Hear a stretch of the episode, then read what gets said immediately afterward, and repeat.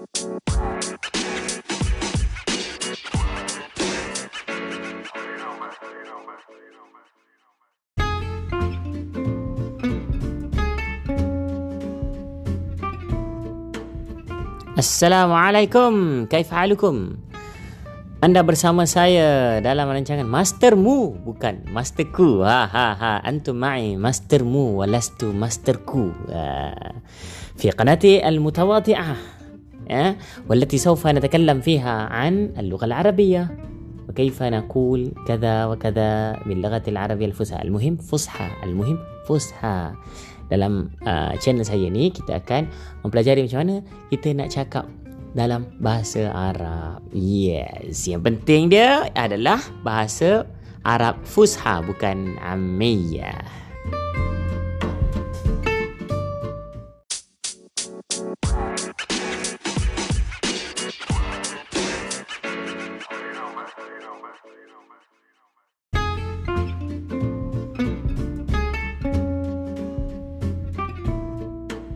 هيا نتعلم اللغة العربية اليوم سنركز على بعض الكلمات المهمة خاصة في الاستخدام الصحفي Hari ini kita akan belajar beberapa perkataan penting, ya, perkataan bahasa Arab penting, uh, terutamanya yang biasa digunakan oleh uh, wartawan-wartawan dalam khabar, dalam media sosial, dalam uh, TV dan sebagainya.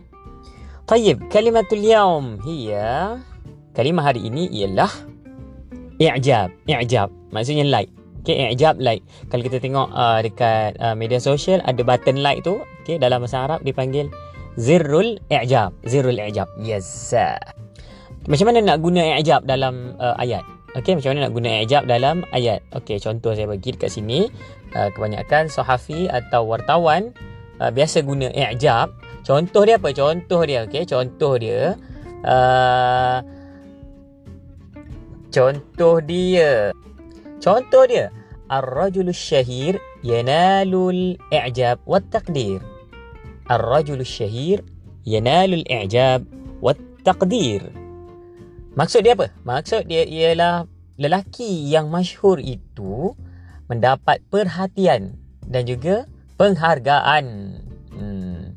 Yanal maksudnya mendapat al-i'jab mendapat macam perhatian atau uh, like, mendapat like, mendapat kesukaan, uh, mendapat perhatian lah.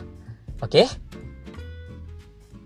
شكرا أيها المستمعون الكرام نكتفي بهذا القدر إن شاء الله نلتقي في الوقت المقبل إن شاء الله السلام عليكم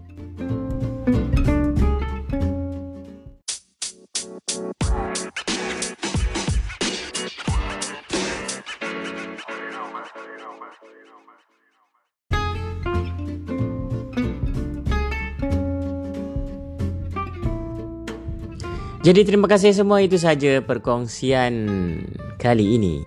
Nanti insyaAllah kalau ada masa lagi kita akan sambung balik pelajaran kita di masa akan datang insyaAllah.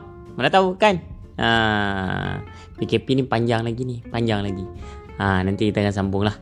Nanti banyak lagi benda yang kita akan nak belajar. Banyak lagi, banyak lagi. Okay, tunggu je, tunggu je. Ready saja otak anda tu. Ready je ha, kosongkan dengan benda-benda yang mengarut. Ha, kita isi dengan ilmu. Yes. Naktafi bihazal qadar. Insyaallah naltaqi fi liqa al-muqbil. Assalamu alaikum